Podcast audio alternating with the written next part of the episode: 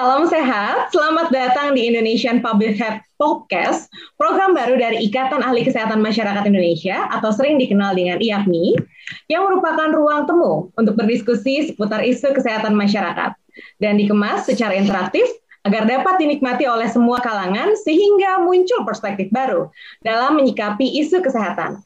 Karena sesuai pepatah, health is not everything, but without health, everything is nothing. Perkenalkan, saya Loveria Skarini yang akan memandu episode pertama pada podcast hari ini. Nah, sekarang kita sudah kehadiran salah seorang narasumber kita yang luar biasa hebat nih. Saya perkenalkan dulu dan izin bertegur sapa ya sudah hadir di sini Bapak Ede Surya Darmawan. Nah, uh, apa kabar Bapak? Alhamdulillah. Assalamualaikum Mbak Love. Semoga sehat selalu ya.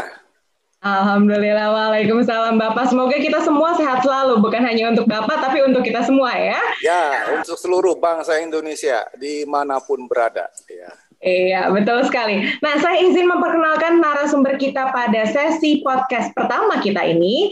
Beliau adalah tentunya karena ini diselenggarakan oleh IAPMI, Ikatan Ahli Kesehatan Masyarakat Indonesia. Beliau adalah Ketua IAPMI, Ketua Umum IAPMI, periode 2019 sampai dengan 2022.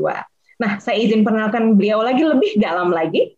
Beliau memiliki latar belakang pendidikan untuk sarjana di FKM UI, uh, tahun ini saya nggak perlu sebut ya Pak, biar kelihatan 17 tahun terus ya.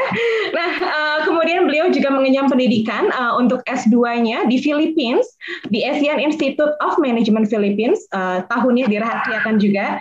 Kemudian mengambil Doctor of Public Health juga di Universitas Indonesia, uh, tahunnya juga dirahasiakan juga, biar terasa awet muda terus. Karena kalau podcast kita pengen ketemu yang jiwa-jiwa muda, jadi nggak ada yang jiwa-jiwa tua di sini ya, karena judulnya aja Public Health in Digital Era era.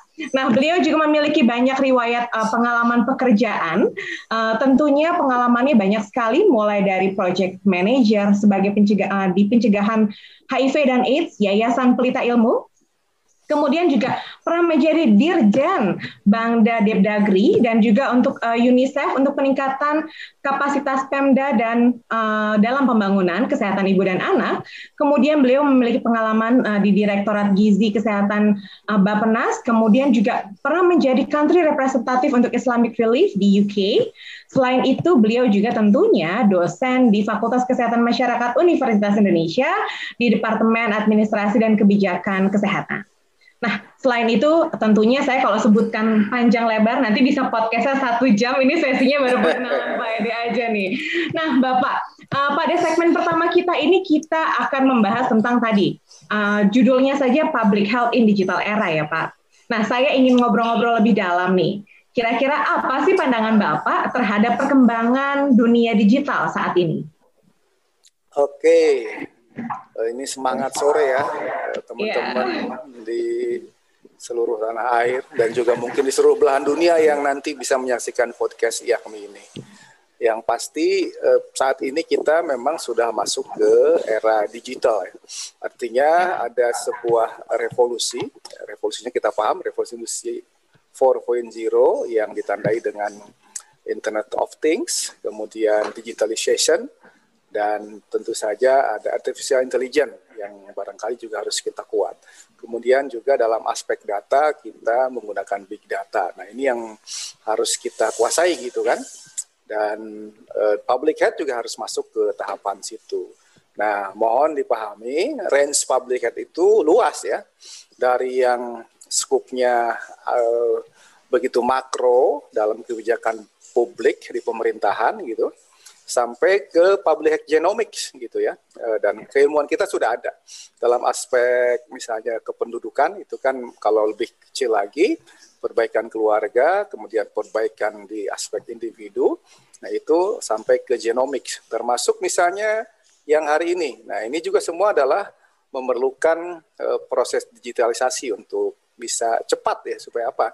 Intinya sih supaya kita cepat belajar cepat mengambil kesimpulan dengan lebih tepat dan lebih benar, lalu bisa membuat polisi yang lebih baik dan tentu saja akhirnya bisa mendeliver program-program yang lebih baik, lebih cepat, lebih tepat untuk uh, meningkatkan derajat kesehatan masyarakat itu. Gitu.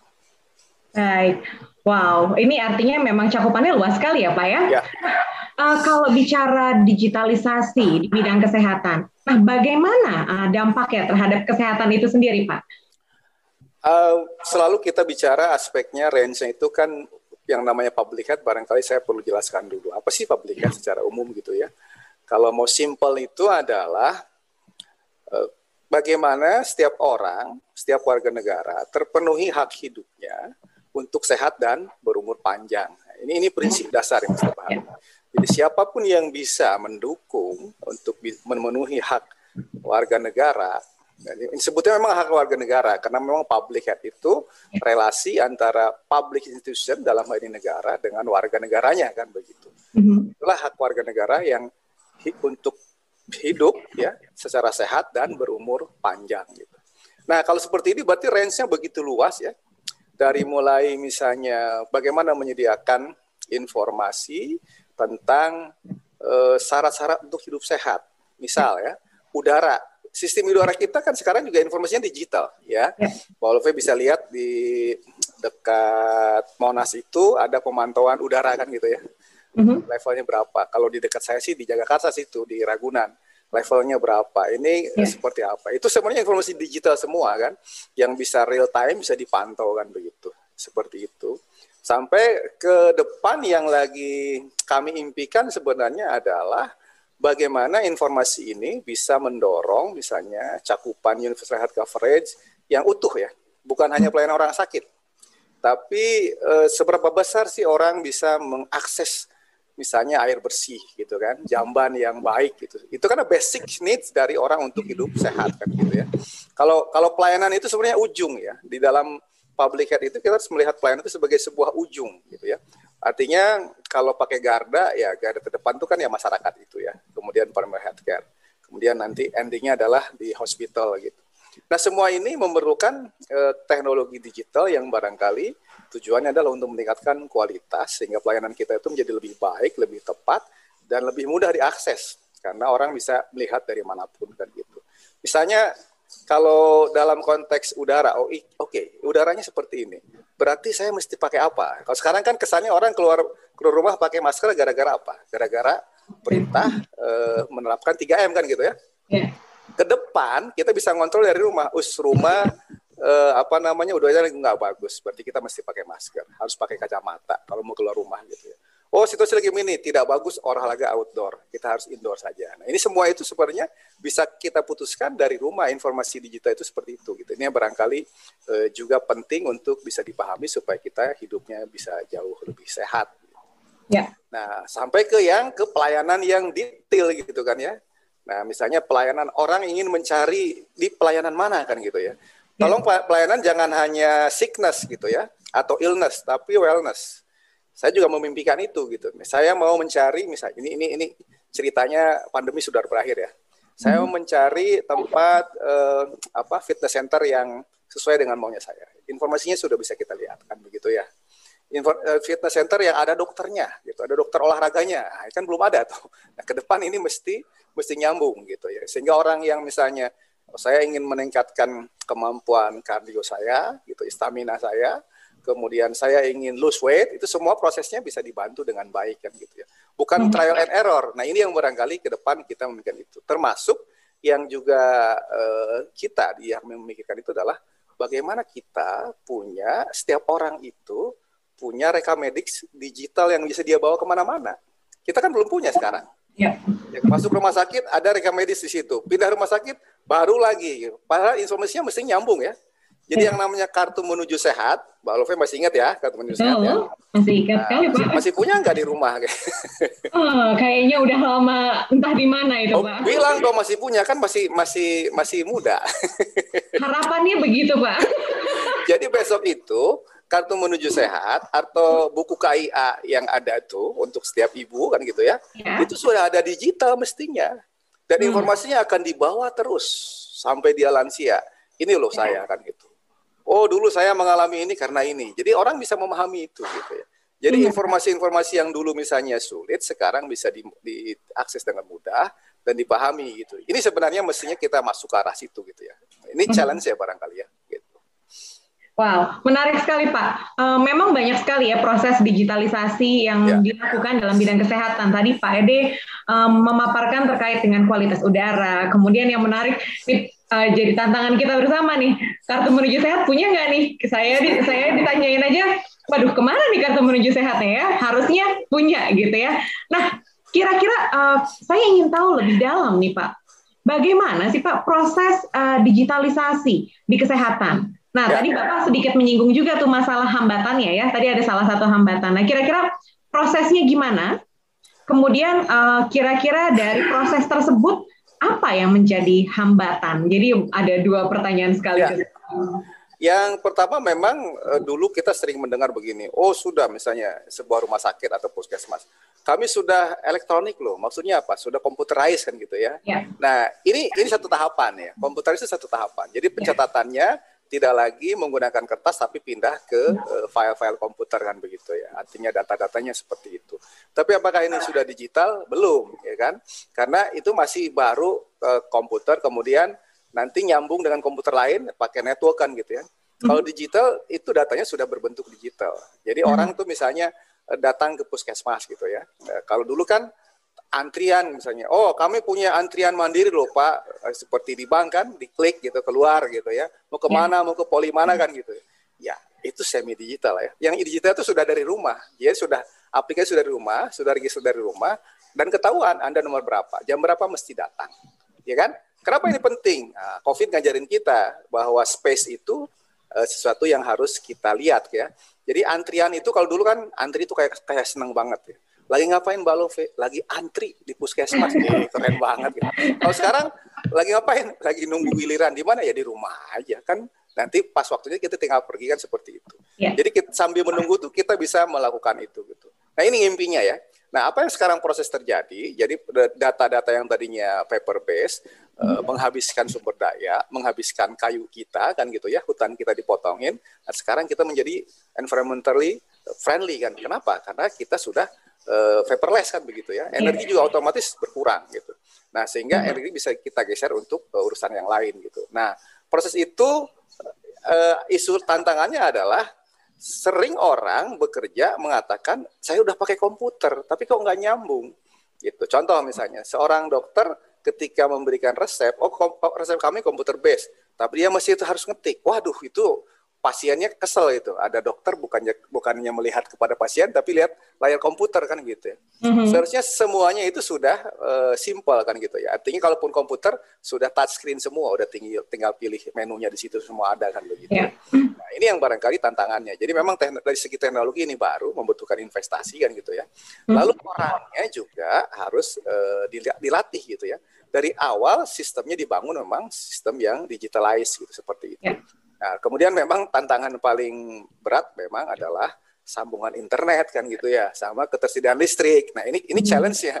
Jadi infrastruktur eh, dasarnya listriknya, internetnya itu harus bisa mendukung gitu. Barulah proses digitalisasi ini akan akan mulus ya. Karena kalau persoalan mentransfernya, mentransformasinya itu eh, software udah banyak, ahlinya juga sudah banyak. Barangkali tinggal prosesnya itu dilakukan. Tantangan lain di Indonesia adalah kita ini sat, uh, satu sisi kan kita mengenal sistem demokratis gitu ya. Nah, ada kalanya sistem ini menjadi tidak nyambung gitu. Masing-masing kabupaten kota mengembangkan sistem digital sendiri. Kadang-kadang nggak nyambung gitu kan ya. Nah, ya. memang isu interoperabilitas ini menjadi salah satu isu dan tantangan yang mesti dijawab. Seharusnya memang ada platform yang sama gitu ya oleh pemerintah kita itu. Yang lain itu tambahan silahkan gitu ya. Jadi uh, ada lokal konten silahkan ditambah, tapi basisnya sama gitu. Hmm. Nah, ini memang jadi impian gitu ya. Misalnya kan kita sangat kalau penduduk Indonesia sekarang misalnya uh, katakanlah susunya 280 juta ya. Mestinya hmm. kita punya nama orang yang misalnya A semua ya A A A gitu 3A sampai Z Z Z itu semuanya itu ada nomor 01 00001 gitu kan sampai uh, 280 000 gitu. Itu semuanya idealnya seperti itu. Nah, apakah kita akan sampai ke sana? Mestinya pola pikir itu sudah ada gitu ya, bahwa dalam menyelenggarakannya belum nggak masalah, tapi kita sudah punya pemikiran bahwa visi kita seperti ini, gitu yang barangkali penting sekali. Nah, kadang-kadang orang malas bermimpi, ya udahlah kita kerja rutinitas saja gitu. Nah, akhirnya apa? Jadi kerjanya sih keren, pakai komputer, pakai uh, mobile phone yang cerdas gitu ya, pakai uh, apa Android, tetapi sistemnya masih sistem manual gitu. Yeah. Persoalannya gitu. Ya, berarti salah satu isu yang menarik adalah integrasi data ya, Pak. Ya. Data dari pusat ke daerah pun uh, artinya memang masih menjadi masalah. Ya. Nggak ada integrasinya ya, Pak. Ya. Nah, kalau terkait dengan integrasi data, kemudian uh, tadi kita sudah menyinggung juga bagaimana proses serta hambatan ya Pak. Uh, kira-kira kalau kita bicara keuntungan nih Pak, ini kan sebenarnya satu sisi dengan adanya digitalisasi kita diuntungkan uh, ya. dalam banyak hal, khususnya uh, kalau kita bicara sektor kesehatan ini tadi sudah banyak sebenarnya kita harus tadi seperti Bapak sampaikan kita didorong untuk bisa bermimpi, ya. bermimpi ya. untuk uh, mengembangkan uh, digitalisasi sektor kesehatan. Nah, Kira-kira uh, apa lagi sih Pak keuntungan lain uh, selain kita uh, kalau orang membayangkan digitalisasi kan pasti image-nya adalah komputer, kemudian internet gitu ya. ya. Nah, dianggapnya cuma sekedar ya mudah semuanya bisa diakses dengan internet. Tapi apa keuntungan lain dari proses digitalisasi untuk sektor kesehatan, Pak? Yang pertama tentu saja kita berharap proses itu cepat kan gitu ya. ya. Mengingat zaman sekarang itu kan kerjaan sih satu misalnya ya kayak Mbak Lofi atau saya kan kita sama-sama dosen ya kerjanya yeah. satu ya tapi aktivitasnya kan seabrek gitu ya hampir semua orang itu sekarang multitasking sehingga membutuhkan sebuah proses bisnis itu yang pengennya cepat nah digital ini pasti menjanjikan kecepatan kan gitu mm-hmm. yang kedua bukan hanya kecepatan kita menginginkan kesalahan itu zero maka ketepatan atau akurasi itu menjadi mm. yang berikutnya kan gitu yang ketiga tentu saja kita berharap efisien kan gitu ya. ya. Prosesnya itu tidak tidak berulang. Yang keempat tentu saja kita sangat mengharapkan produktivitas kita menjadi lebih meningkat karena banyak yang bisa dikerjakan kan gitu ya. Hmm. Kan waktu kan sesuatu yang tidak bisa diapa-apain, tetap 24 ya. jam dari zaman Nabi Adam sampai sekarang kan kira-kira begitu. Nah, hmm. berikutnya adalah kalau dikaitkan ini dengan eh, apa? keamanan gitu ya. Ini juga jauh hmm. lebih aman seharusnya kan. Karena ya. misalnya ada proses enkripsi, ada proses data safety kan begitu. Mm-hmm. Terus uh, dalam konteks penularan penyakit juga ini menjadi lebih aman karena kita bisa memproses minimal sekali untuk orang untuk ketemu kan gitu. Dengan demikian yeah. yang terjadi data exchange, informasi exchange, tetapi tidak ada disease exchange. Sebenarnya itu juga menjadi keuntungan dari digitalisasi ini gitu. Mm. Oke. Okay. Nah, jadi uh, salah satu yang kata kunci yang saya paling suka dari uh, Bapak sampaikan tadi adalah zero gitu ya. Ini ya. bisa jadi zero dalam banyak hal ya. Zero penyakitnya gitu ya. Uh, jangan sampai nam tapi kan kalau kita bicara keuntungan tentunya kita juga bicara kelemahan nih. Ya. Nah, jadi tentunya dalam proses digitalisasi ada kelemahan uh, dari proses digitalisasi itu sendiri. Nah, bagaimana kira-kira kelemahan dari proses digitalisasi ini terhadap sektor kesehatan? Yang paling basic ya listrik. Begitu listrik mati ada masalah kan gitu. Iya. Ya jadi harus kita harus punya baterai backup yang bagus gitu ya untuk mm -hmm. agar sistem itu on terus. Datanya tidak hilang, tetapi uh, koneksivitas real time uh, connection atau online-nya itu bisa bisa terputus gara-gara listrik kan begitu ya. Yeah. Yang kedua tentu saja koneksi internet. Nah, mm -hmm. yang ketiga ada kalanya orang masih kadang-kadang menginginkan sesuatu itu berwujud barang utuh kan gitu ya. Gitu Mm-hmm. Contoh misalnya masih banyak uh, dosen yang kalau menguji itu dia masih pengen naskah skripsi, tesis ataupun disertasinya itu dalam bentuk buku yang utuh dikirim ke rumahnya yeah. kan gitu ya. Kalau saya aduh udah deh susah nanti malah naruhnya di mana bingung kan gitu ya. Mendingan mm-hmm. semuanya data digital gitu. Ini yang ini yang barangkali juga uh, kelemahannya gitu ya. Nah, kelemahan lain tentu saja uh, ketika misalnya teknologi itu belum ada di tempat itu kan begitu. Sehingga yang jadi persoalan ini, ini uh, jangan jangan juga terjadi pada kita ya. Ketika proses digital tidak terjadi, ketika listrik mati, internet mati, terus kita nggak bisa ngapa-ngapain gitu. Ini tidak boleh gitu ya. Uh, sekarang itu kan ada ada ya itu mudah-mudahan sih tidak ke depan ada solusi ya. Misalnya uh, kalau kita nggak lagi ini cerita kemarin ya waktu belum ada pandemi, listrik mati, apa yang jadi dengan kuliah di kampus? Berhenti kan? Ya. Kenapa? Karena dosennya tidak lagi memikirkan apa yang ada di kepalanya, semuanya ada di komputer gitu kan, pindah semuanya gitu. Terus eh, kelas menjadi, aduh gerah nih pak, nggak ada AC-nya. Nah oke, okay. seharusnya negara tropis juga menyesuaikan kondisinya. Jadi ada hmm. aspek-aspek way out gitu yang memungkinkan ketika ini tidak berjalan, pelayanan akan tetap berjalan. Ada sistem backup yang bagus gitu kan ya. Ada uh, clap out atau keluar yang memungkinkan orang bisa mencari solusi ketika sistem tidak jalan. Ini harus harus selalu ada gitu ya. Oke, nah artinya ada kebergantungan juga sebenarnya satu sisi terhadap teknologi ya. ya. Ketika infrastrukturnya tidak mensupport begitu, alhasil ya kadang-kadang sebagian dari kita karena sudah terbiasa bergantung gitu, akhirnya tadi Bapak sampaikan nih harusnya bisa ngajar jadi nggak ngajar gara-gara ya. mati lampu atau internetnya nggak bisa atau laptopnya mati gitu. Nah kalau dalam uh, ranah kesehatan Pak, nah itu kan kalau kita bicara teknis ya uh, dalam digitalisasi uh, sebuah proses Nah, tapi kalau dalam layanan kesehatan, uh, bagaimana nih Pak? Kira-kira uh, dampaknya uh, tadi kalau kita bicara kerugian yang mungkin misalkan kayak sekarang kita maraton Zoom, uh, ketemu dari pagi sampai malam rapat maraton dan lain sebagainya, atau uh, dalam dunia layanan, tentunya kita juga bicara misalkan perawat uh, belum punya skill nih Pak untuk uh, proses harus tadi inputnya udah punya komputer keren-keren gitu ya, tapi endingnya inputnya masih manual karena tidak didukung dengan uh, pengetahuan yang baik untuk proses digitalisasi tersebut. Akhirnya proses layanan ini malah jadi lambat. Nah, kira-kira apa ya Pak kelemahan-kelemahan yang muncul dari proses uh, digitalisasi dalam uh, bidang kesehatan, khususnya dalam hal pelayanan? Dalam pelayanan tentu saja para pemberi pelayanan itu ketika mengalihkan atau mentransformasi dari manual ke digital, ada prosesnya ya, ada proses eh, proses peralihan yang cukup gitu ya. Kemudian yang berikutnya selalu ada solusi dasar. Ketika ini tidak jalan, maka kita akan kembali kepada solusi manual yang memudahkan gitu ya, baik bagi pemberi layanan maupun bagi pasiennya kan gitu. Dengan demikian solusi tetap jalankan gitu ya. Jadi bukan kemudian mohon maaf pelayanan dihentikan dulu karena internet sedang down. Nah, itu, itu sesuatu yang yang paling ya. nyebelin tentu saja ya gitu. Dan sering terjadi ya Pak di Indonesia? Nah, sering itu seharusnya kan enggak gitu. Oke, internet tidak jalan, mohon maaf situasi begini.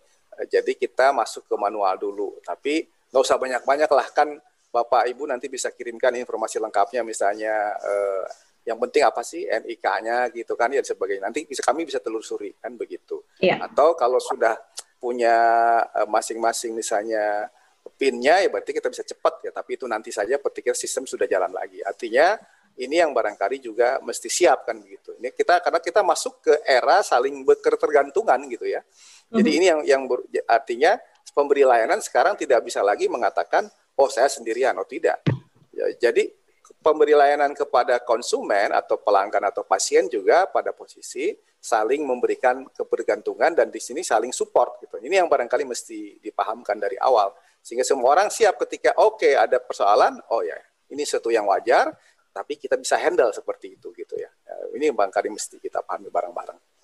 Baik. Nah, uh, Pak, di IAKMI ini kan tentunya banyak sekali ahli-ahli kesehatan masyarakat ya.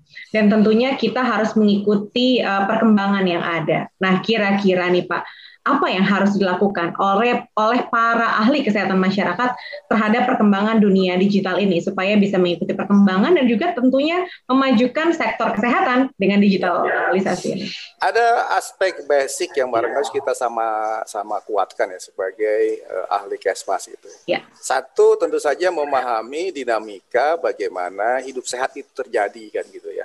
Ini penting gitu ya dipahamkan Misalnya kalau mau hidup sehat itu kan yang pertama harus udaranya yang bersih, kan gitu ya, air, baru makanan, kemudian perilaku kita, lalu tempat tinggal, baru di pelayanan kan begitu. Nah ini ini ini sangat prinsip.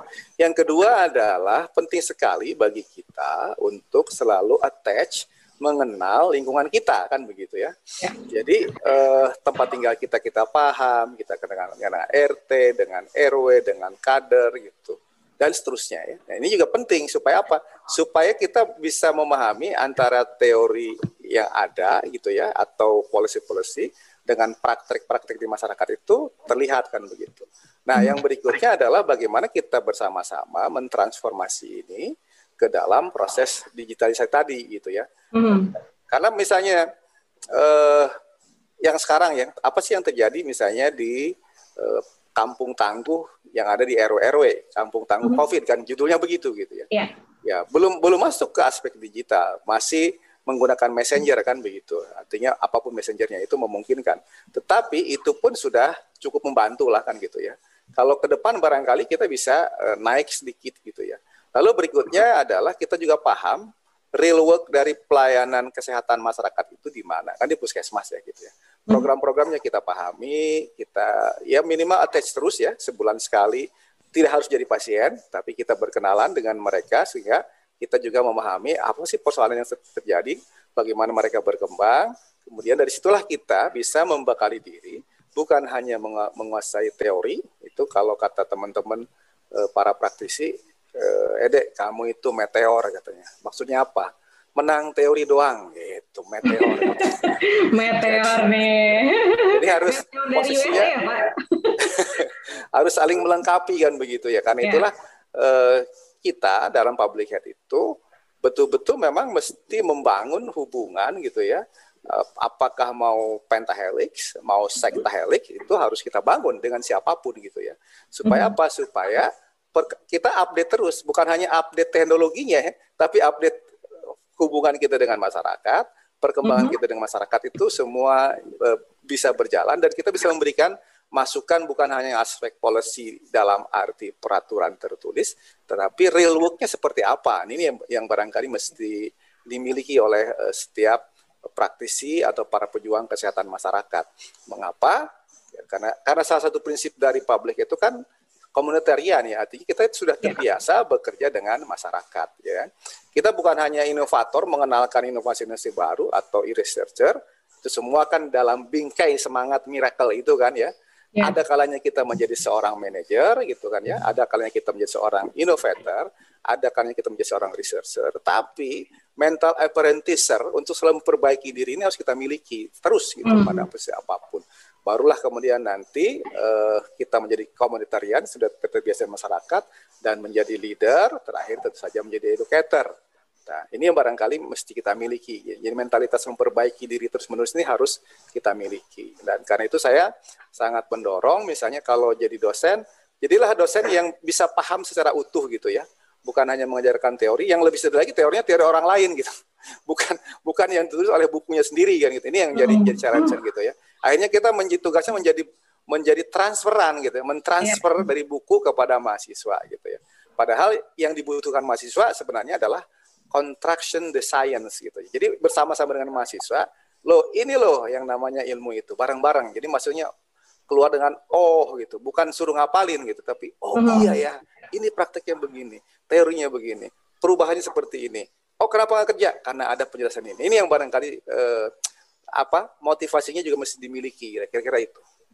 Baik Pak, Pak ini karena kita audiensnya cukup banyak nantinya. Okay. Nah, tadi ada satu uh, apa namanya istilah ya takutnya teman-teman para uh, listener kita nggak tahu nih ada istilah tadi pentahelix pak okay. apa pak itu maksudnya pentahelix maksudnya biar teman-teman yang lain yang dengar nih pengen tahu seputar kesehatan juga bisa tahu istilahnya ya tadinya eh, sektor di pemerintahan itu untuk mendukung good governance ya, pemerintahan yang baik tata kelola ya bukan yeah. bukan bukan hanya pemerintah ya tapi itu tadinya sih uh, kita kenal yang pertama adalah sektor pertama itu namanya government gitu ya sektor mm -hmm. pemerintahan yang kedua adalah sektor bisnis ya yang tentu tujuannya adalah untuk meningkatkan ada akumulasi modal di situ, akumulasi kesejahteraan di situ gitu ya. Mm -hmm. Nah itu adalah para bisnismen kan gitu ya. Makanya yeah. eh, government, businessman. Nah yang ketiga adalah civil society tadinya kan civil society ini adalah kenapa? Karena ternyata eh, disebut sektor ketiga, sektor pertama pemerintah, sektor kedua adalah bisnis, sektor ketiga adalah eh, apa? civil society, masyarakat sipil. Mengapa? Karena ternyata dari proses pembangunan itu sering ada kelompok-kelompok tertentu yang tidak mendapatkan kan gitu ya. Nah, kan itulah muncul uh, kelompok ketiga gitu. Dalam perkembangannya ternyata ada sektor keempat yaitu media massa kan gitu ya. Nah, media massa yang tentu saja juga sangat kuat pengaruhnya karena di sinilah terjadi transfer eh, informasi kepada masyarakat yang lebih luas, baik itu secara cetak, sekarang sudah elektronik semua kan gitu ya. Lalu yang terakhir adalah akademisi. Nah, akademisi ini menjembatani semua itu gitu ya untuk melakukan satu adalah kita meng, mengumpulkan data-data eh, pembelajaran terbaik pada masa sekarang atau masa lalu untuk dijadikan praktek-praktek terbaik ke depan gitu. Lalu otomatis inilah yang disebut uh, lima daun atau pentahelix itu kan gitu ya. ya. Nah, khusus di Indonesia memang bisa jadi sektahelik karena ada daun keenam. Nah, siapakah hmm. mereka ya? Ini adalah uh, kelompok agama gitu. Kita tahu di Indonesia itu misalnya uh, ada lima agama besar dan masing-masing punya organisasi uh, massa yang besar juga pengaruhnya. Misalnya kalau untuk dari jumlah uh, umatnya itu Nahdlatul Ulama gitu, itu sektor keenam kita ya. Kemudian kalau dari akumulasi modalnya itu Muhammadiyah itu besar sekali gitu ya. Di prodi kita aja di Kesmas kan setelah negeri paling banyak Muhammadiyah ya kan. Dari Aceh ada ya kan sampai ke Nusa Tenggara Timur pun ada uh, Muhammadiyah gitu ya, seperti itu ya.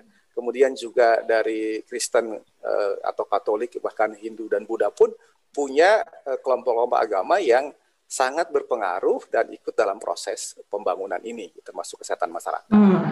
Itulah yang disebut dengan pentahelik, sektahelik, yang orang mesti kerja gitu. Dan semua dalam konteks kesehatan masyarakat memiliki peran yang bisa kita optimalkan untuk meningkatkan derajat kesehatan masyarakat. Oke, nah itu ya. Jadi harapannya ini para listener kita bisa pada tahu nih apa itu pentahelix, sextahelix gitu ya. Dan akhirnya kita bisa dapat gambaran uh, secara menyeluruh. Kira-kira para ahli kesehatan masyarakat itu bisa uh, berbuat apa ya di era perkembangan dunia digital ini. Nah, uh, saya ingin uh, menanyakan pendapat bapak lagi nih. Ini tentunya kalau kita bicara digitalisasi tidak lepas dari media, Pak. Ya. Nah, menurut Bapak nih, bagaimana pandangannya Bapak terkait dengan perkembangan media, khususnya media informasi ya yang berkembang saat ini, Pak? Baik, kalau media massa sudah jelas ya, media massa semua mentransformasi diri untuk menjadi uh, apa namanya digital kan begitu, hampir ya. semua. Baik uh, uh, dulu koran-koran, misalnya kita lihat koran-koran nasional itu atau harian uh, yang bisa kita baca, sekarang sudah digital semua, bahkan mereka punya platform sendiri kan gitu. Kalau mau baca gampang, harian A download sendiri, harian B download sendiri kan begitu ya. Kalau mau baca umum silahkan eh, kita bisa lihat ngambil dari uh, Google kan gitu ya. Nah kalau media informasi juga pada akhirnya bertransformasi seperti itu gitu ya. Hampir semua uh, media-media informasi baik itu oleh berbagai lembaga, kementerian juga menuju goal to digital semua kan gitu ya. Nah, apakah kita juga punya? Nah, ini yang barangkali uh, ya kami dengan podcast ini harapannya ini bisa menjadi lebih rutin ya untuk memberikan dan membahas uh, satu sisi informasi, yang kedua adalah membahas isu-isu terkini yang memang perlu direspon, yang tujuannya adalah untuk memberikan masukan kepada pihak-pihak berwenang terkait dengan isu yang kita bahas itu. Nah, ini yang barangkali harus mengapa ya kami memilih memiliki podcast seperti ini juga salah satunya adalah seperti itu. Dan Pak Lopez sudah ada di sini ini luar biasa kan gitu. Baik Pak. Nah kalau kita bicara um, media informasi Pak, tentunya banyak sekali informasi yang beredar. Nah seperti kita tahu uh, di Indonesia tentunya saat ada suatu uh, informasi, belum tentu informasi itu benar nih Pak.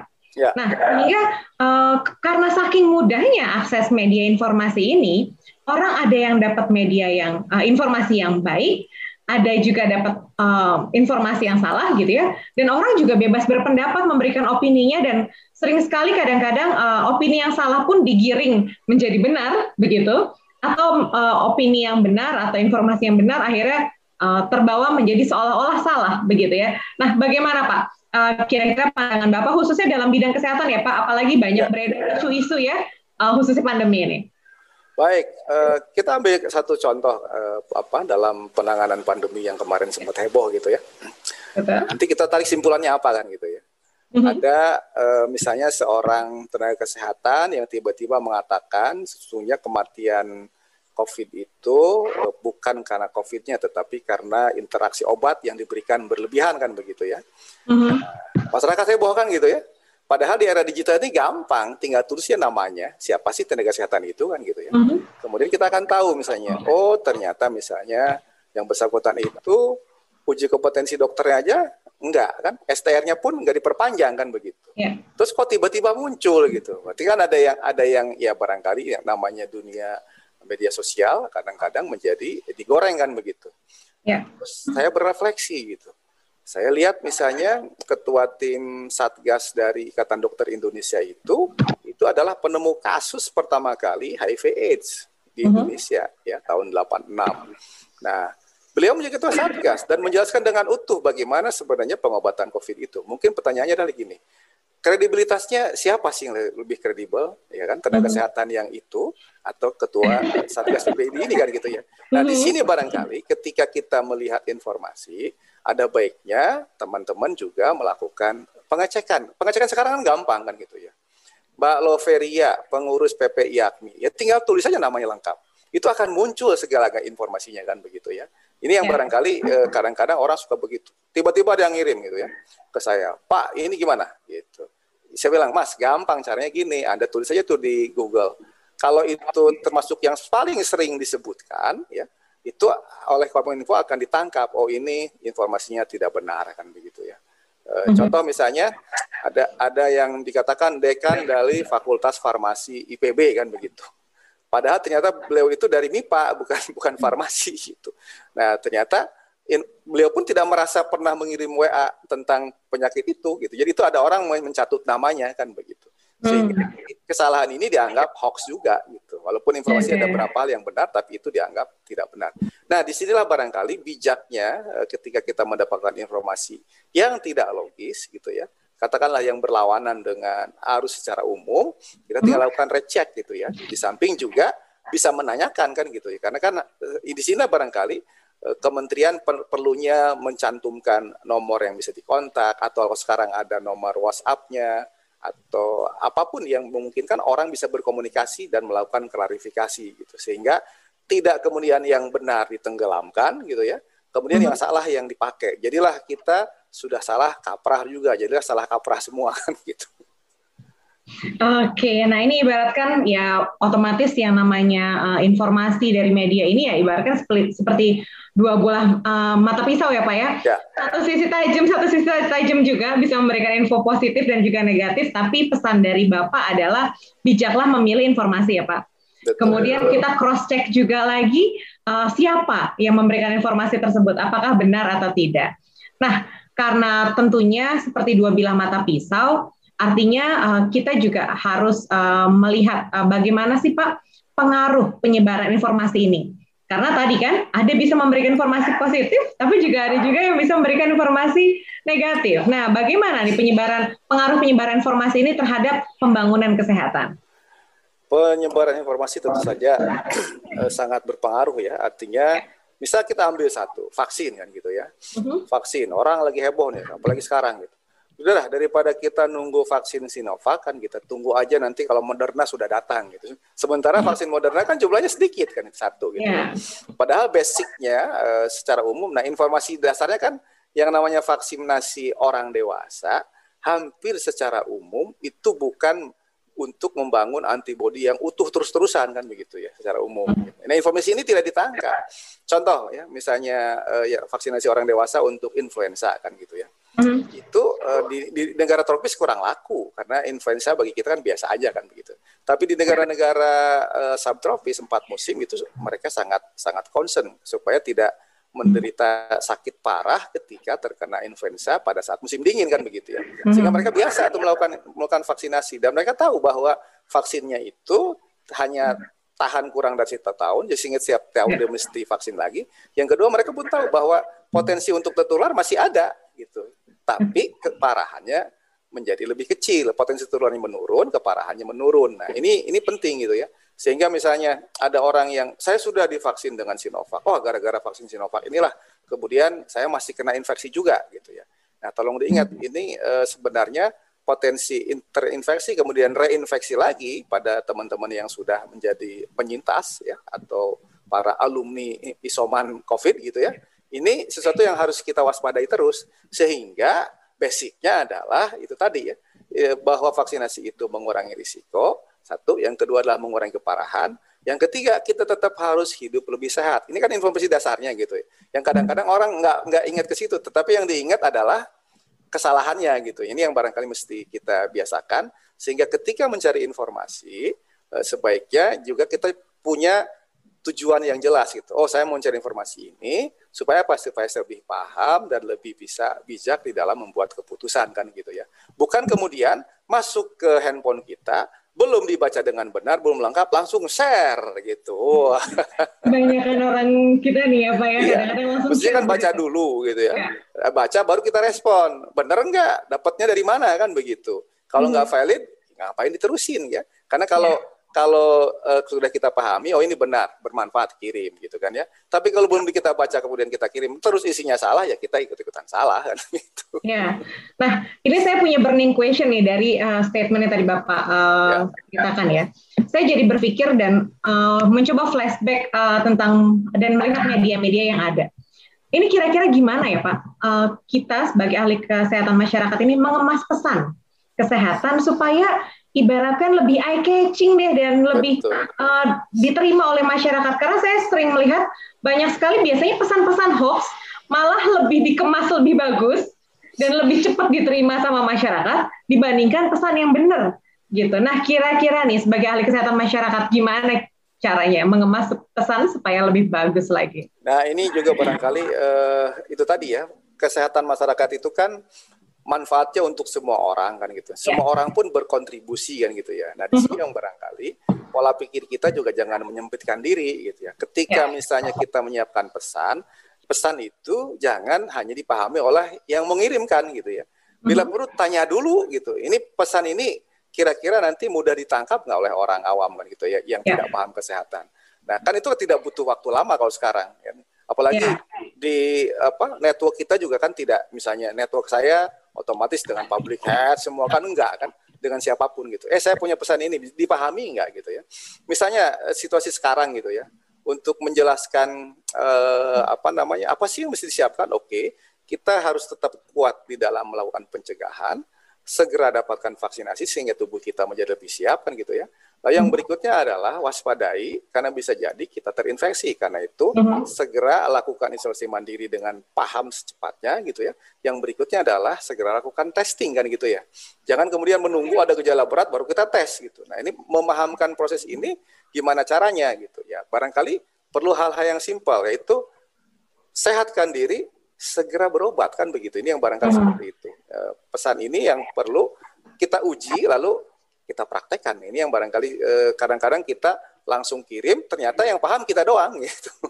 Oke, jadi yang sering missing adalah uji dulu ya Pak. Ya. Jadi uh, kebanyakan pesan yang memang sering uh, dilakukan adalah buat langsung dipraktekkan langsung dikirimkan. Ya. Kita missing untuk melakukan pengujian. Nah ini mungkin kalau para listener dari ahli kesehatan masyarakat ini sama-sama dengar, jadi jadi PR kita bersama nih ketika mendevelop sebuah konten, jangan lupa untuk melakukan uji terlebih dahulu supaya lebih bisa masuk di masyarakat ya Pak. Betul. Nah, uh, balik lagi Pak, uh, kalau kita bicara dengan podcast nih, kebetulan IAKMI ini podcast perdana, perdana kita, episode pertama, tujuannya tentunya kita ingin mengedukasi. Nah, mengedukasi siapa? Masyarakat tentunya. Nah, tentunya juga para ahli-ahli kesmas yang suka dengerin podcast juga bisa sama-sama dengar. Nah, IAKMI kan juga sudah banyak berkontribusi membuat webinar, kemudian melakukan beberapa program pengabdian uh, dan uh, memposting dalam beberapa akun sosial medianya di IAKMI dan juga Facebook IAKMI. Nah, kemudian juga sekarang IAKMI membuat podcast nih. Dan tentunya ini bagian dari kontribusi IAKMI untuk masyarakat Indonesia.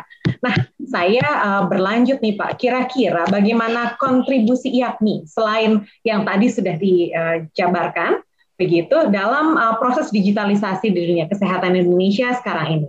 Baik, ada uh, pekerjaan besar yang sedang kita awali ya. Jadi kami bekerjasama dengan Transform Health International ya uh-huh. untuk mendukung proses digitalisasi ya menuju penguatan pembangunan tujuan pembangunan atau atau Sustainable Development Goal ya yang lebih uh-huh. uh, berjalan gitu ya khususnya untuk pencapaian universal health coverage gitu ya kita hmm. ingin yang pertama universal health coverage itu dalam konteks pelayanan yang sekarang sudah di running programnya yaitu namanya hmm. JKN itu segera bisa dinikmati oleh 100% penduduk Indonesia itu hmm. satu yang kedua juga kita ingin proses digitalisasinya itu berjalan mulus gitu ya. Kita tahu di situ ada sisrute gitu kan ya, atau sistem rujukan terpadu, kemudian ada berbagai sistem uh, apa yang yang tujuannya untuk menguatkan itu. Nah, kita ingin dorong supaya itu menjadi lebih baik lagi gitu. Dan ini uh, kerjasamanya ini menjadi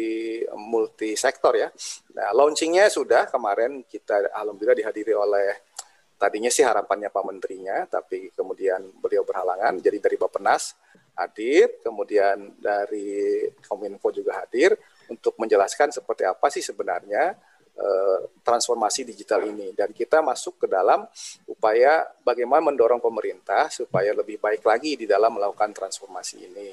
Lalu dari proses itu juga nantinya akan dibuat berbagai macam program gitu ya, yang tujuannya adalah untuk melakukan transformasi ini supaya uh, kita bisa lebih cepat dan lebih tepat di dalam melakukan transformasi digital untuk pelayanan kesehatan termasuk uh, public health ini karena barangkali kalau untuk digital dalam konteks medicine itu sudah sangat berkembang mm-hmm. tinggal bagaimana ini menguatkan nah, tapi dalam konteks diskusi-diskusinya kita ke depan akan lakukan itu sehingga semua orang bisa lebih memahami lagi khususnya di uh, dunia kesehatan masyarakat dan hmm. ini adalah sebuah proses berjenjang ya.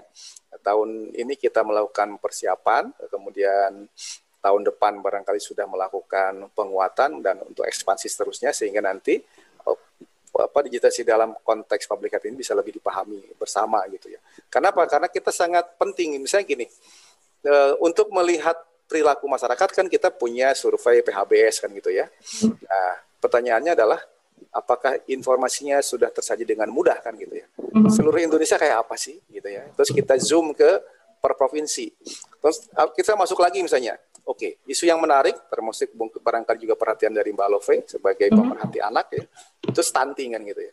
ya. Kita mau lihat nih, stunting ini di satu daerah kayak apa, informasinya kayak apa. Nah, sekarang kan informasi itu masih scatter ya, masih. Ya. Nah, ini ke depan harapannya itu menjadi sebuah informasi yang lebih mudah untuk diakses sehingga kembali dalam proses pembelajaran itu bisa lebih cepat mm-hmm. dalam proses pembuatan kebijakan pun menjadi input yang sangat berharga ini ini barangkali yang sedang yakni pikirkan gitu ya dan sudah kerjasama dengan Transform Health dan tentu saja nanti dari kerjasama ini juga kita akan bangun kerjasama dengan berbagai pihak gitu.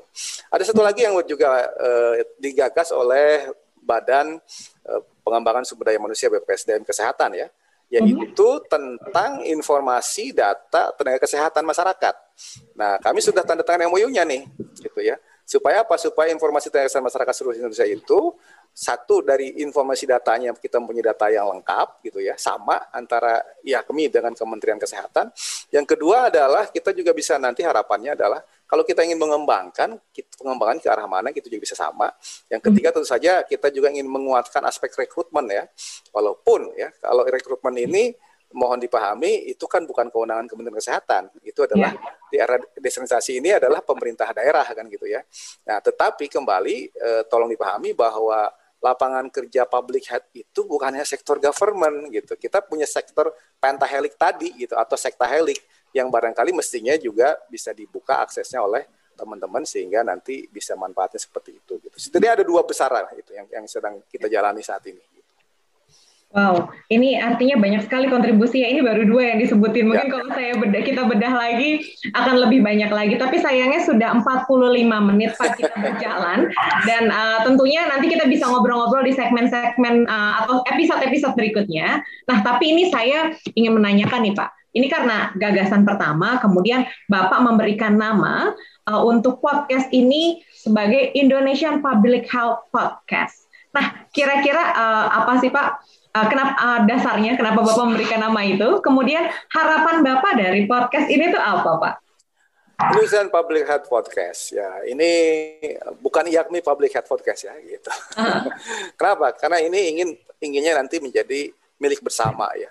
Kita hmm. tahu di di bawah yakni itu ada beberapa jenis tenaga lain gitu ya. Ada promotor kesehatan di situ, ada paki di situ, kemudian yang belum terbentuk dan ingin masih masih bersama kita tentu saja eh, kesehatan produksi, kemudian gizi sudah mandiri. Tapi kita semua itu kita ingin menjadi bersama-sama menyehatkan hmm. bangsa ini bareng-bareng. Sehingga nanti eh, saya harapkan eh, narasumbernya jangan semua dari kita gitu ya. Hmm. Nanti satu saat sih kalau ini sudah jalan beberapa gitu ya tidak ada salahnya beberapa pejabat kita akan undang gitu ya. Mudah-mudahan Pak Menteri juga berkenan. Kalau kemarin Pak hmm. Menteri memberikan ucapan selamat HUT, ya kan? Ya. Nanti uh, kita minta Pak ngobrol-ngobrol lah Pak. Mimpi ke depan Bapak gimana kan gitu ya? Atau penanganan pandemi dan lain-lain. Mudah-mudahan waktunya cukup. Atau ya siapa pun ya dari pembuat kebijakan juga kita akan undang, tidak hanya Kementerian Kesehatan ya, Bapenas, Kemenko PMK, gitu, BKKBN, itu bisa kita undang semua. Itu karena itu kan jelas milik Republik Indonesia kan gitu ya. Kemudian dari akademisi bisa ketua IPTKMI-nya, bisa dekan, kaprodi gitu ya. Atau nanti bisa jadi misalnya adalah tenaga kesehatan masyarakat yang betul-betul di lapangan gitu ya termasuk aktor yang paling dekat dengan masyarakat yaitu para kader gitu. Nah, kalau ya. diminta sih saya bisa bawa ini kader-kader teman-teman saya di RW 03 Kelurahan Pejaten Barat. Eh, mak Pejaten Barat. Itu KTP saya. Sekarang saya tinggal di Kelurahan Jagakarsa ya. Oke. Okay. Jadi itu bisa saya hadirkan di sini gitu ya untuk intinya orang bisa satu adalah menunjukkan bahwa kita public health itu satu sisi bicara wacana, sisi lain juga bicara real work satu satu ya. Mm-hmm. Yang kedua kita juga bisa sharing informasi yang terbaru, yang tentu saja informasi yang terbaik dari praktek-praktek yang ada untuk dipraktekkan lebih baik lagi ke depan gitu. Karena e, jangan hanya kita ngumpulin knowledge gitu ya. Knowledge kan mestinya membangun sebuah new wisdom ya, kebaikan mm-hmm. yang baru atau kebijakan yang baru nanti dikuatkan untuk menjadi praktek-praktek ke depan yang lebih baik. Ini ini ini sebenarnya logikanya. Nah karena itulah eh, kita juga akan undang setelah ini barangkali nanti dengan manajer podcast ini silahkan didiskusikan. Tapi saya sangat mengharapkan eh, makin banyak yang bisa join di sini ini makin akan makin sangat bagus dan kita bisa sama-sama memajukan eh, kesehatan masyarakat di Indonesia. Wow, ini memberikan gambaran sekali bahwa sebenarnya kenapa nggak dikasih nama IAKMI ya, tapi Indonesian Public Health Podcast sehingga ini jadi wadah buat kita semua. Karena saya lihat Pak, organisasi profesi yang lain belum ada yang bikin ini nih.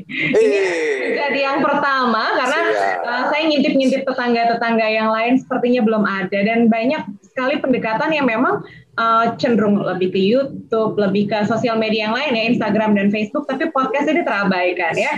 Padahal ini podcast bisa menjadi wadah yang uh, enak sambil didengerin tanpa perlu melihat uh, wajah pun bisa sambil dapat informasi yang menarik. Nah, uh, sebelum kita tutup nih Pak, sesi uh, podcast di episode pertama ini, ada nggak Pak poin-poin yang ingin Bapak tambahkan terkait dengan uh, digitalisasi di dunia kesehatan di Indonesia? Baik, yang pertama adalah digitalisasi itu sesuatu yang bukan bukan tidak bisa lagi dihindari, tetapi harus kita optimalkan. Ini yang pertama ya. Mm-hmm. Kita mesti mengoptimalkan kemajuan teknologi untuk pembangunan kesehatan masyarakat, meningkatkan kesehatan masyarakat. Salah satunya dengan melakukan digitalisasi. Dari dari apa? Dari proses pembelajaran kita di digitalisasi, proses pelayanannya juga digitalisasi, sampai nanti misalnya proses uh, riset itu semua bisa kita lakukan kan gitu. Yang berikutnya adalah tentu saja kita juga ingin dorong kualitas dari jasa ini menjadi lebih baik dan tentu saja merata gitu ya. Sehingga nanti barangkali eh, seperti tadi, maka keterlibatan berbagai pihak multisektor di dalam eh, podcast ini juga sangat kita harapkan untuk satu kita paham apa sih isu-isu yang berkembang kan gitu ya. Yang kedua kita juga paham bagaimana isu itu harus diantisipasi, kemudian nanti ke depan supaya prakteknya lebih baik kita juga bisa paham gitu. Nah, yang ketiga tentu saja kita sangat mengharapkan uh, dukungan dari semua pihak ya yang terlibat di sini, uh, apakah dari pemerintahan, dari bisnis gitu ya, dari civil society, uh, jangan lupa juga dari media massa, mitra IAKMI sudah banyak banget gitu ya di, di media massa, kita mhm. bisa hadirkan di sini. Kemudian juga tentu saja dari para akademisi ini yang dan tentu saja dari keluarga besar IAKMI itu sendiri ada promotor kesehatan PPKMI kan gitu ya ada mm -hmm. pakinya gitu kemudian keluarga besarnya ada PAI kemudian ada eh, apa namanya ahli gizi ahli kesehatan lingkungan semua juga harus kita hadirkan di sini karena kita semua adalah sebuah bangunan besar yaitu kesehatan masyarakat Indonesia untuk membangun kesehatan bangsa yang lebih baik. Oke, okay. wow, ini closing statement yang bagus sekali bahwa tujuannya salah satunya tentunya untuk membangun uh, kesehatan, derajat kesehatan yang lebih baik lagi. Nah, terima kasih sekali Pak Ede sudah uh, hadir dalam sesi episode pertama podcast kita di Indonesian Public Health Podcast episode pertama. Uh, kita berharap para listener bisa mendengarkan episode-episode selanjutnya. Tadi seperti yang sudah Pak Edi sampaikan harapannya podcast ini bisa didengarkan oleh semua orang dan semua orang bisa mengisi acara. Para kader-kader juga bisa terlibat yang terlibat di masyarakat ya memberikan uh, banyak sekali kontribusi di bidang kesehatan juga bisa ikut terlibat dalam podcast ini. Jadi ini bisa jadi wadah kita bersama untuk uh, saling update terkait dengan masalah public health yang ada di Indonesia. Nah, untuk mendapatkan update selanjutnya, boleh dong teman-teman para listener, boleh follow sosial media IAPMI ya. Nah, jadi bisa follow kalau mau lihat Instagramnya ada at IAPMI Official, dan juga untuk YouTube-nya bisa sama juga ya, YouTube-nya bisa browsing aja, googling aja, ketik IAPMI Official. Nah, jadi uh, IAPMI Official ini Artinya ini untuk IAKMI pusat. Sebenarnya IAKMI yang lain ada di Pengda, ada Pengcap juga ada. Jadi supaya nggak ketukar karena informasi yang uh, terkait dengan podcast ini akan dipublikasikan di @iakmi official untuk Instagram dan juga dipublikasikan di IAKMI uh, official untuk YouTube dan tentunya ada podcast nanti akan uh, diupdate ya di Anchor dan juga Spotify. Teman-teman bisa uh, nanti akan kita informasikan lebih lanjut terkait dengan akunnya. Nah, Pak, karena kita ngomongin digitalisasi nih, Pak, boleh dong Pak sharing sosial medianya, Pak? Oh, saya mau follow. Kalau kalau untuk Facebook uh-huh. nama lengkap, nama lengkap saya ya Edi Surya Darmawan. Kalau masuk ke Yakimi Official di Facebook akan ketemu Edi Surya dan Wawan kan gitu. Oke. Okay. Kalau di Instagram ah, itu saya nulisnya sebagai supaya ingat sebagai bangsa Indonesia yang lahir di tataran Sunda saya tulis Kang Ede gitu. Oke. Okay. untuk untuk Instagramnya ya gitu. Oke, okay, baik. Ya terima kasih sekali loh Pak Edi. Ini kita boleh follow-follow ya? Ya. Yeah. Baik, nanti baik teman-teman nanti kalau mau follow dan mau tanya-tanya banyak hal kepada narasumber kita dan juga Ketua Umum Ikatan Ahli Kesehatan Masyarakat Indonesia, Bapak Ede Surya Darmawan, silahkan follow Instagramnya Kang Ede gitu ya, biar nama keren ya, biasa dipanggil Kang Ede, atau bisa follow Facebooknya di uh, Ede Surya Darmawan, langsung di browsing saja, nanti tentunya uh, Pak Edi akan sharing banyak sekali informasi dan juga bisa update-update juga. Tentunya bisa berkenalan juga ya lebih dalam oh, dengan Pak Edi. Dan tentunya tenang aja, pasti uh, kalau mau follow pasti di approve kok. Jangan uh, nanti pasti Pak Edi akan welcome sekali terbuka untuk sharing dan berbagi seputar kesehatan masyarakat.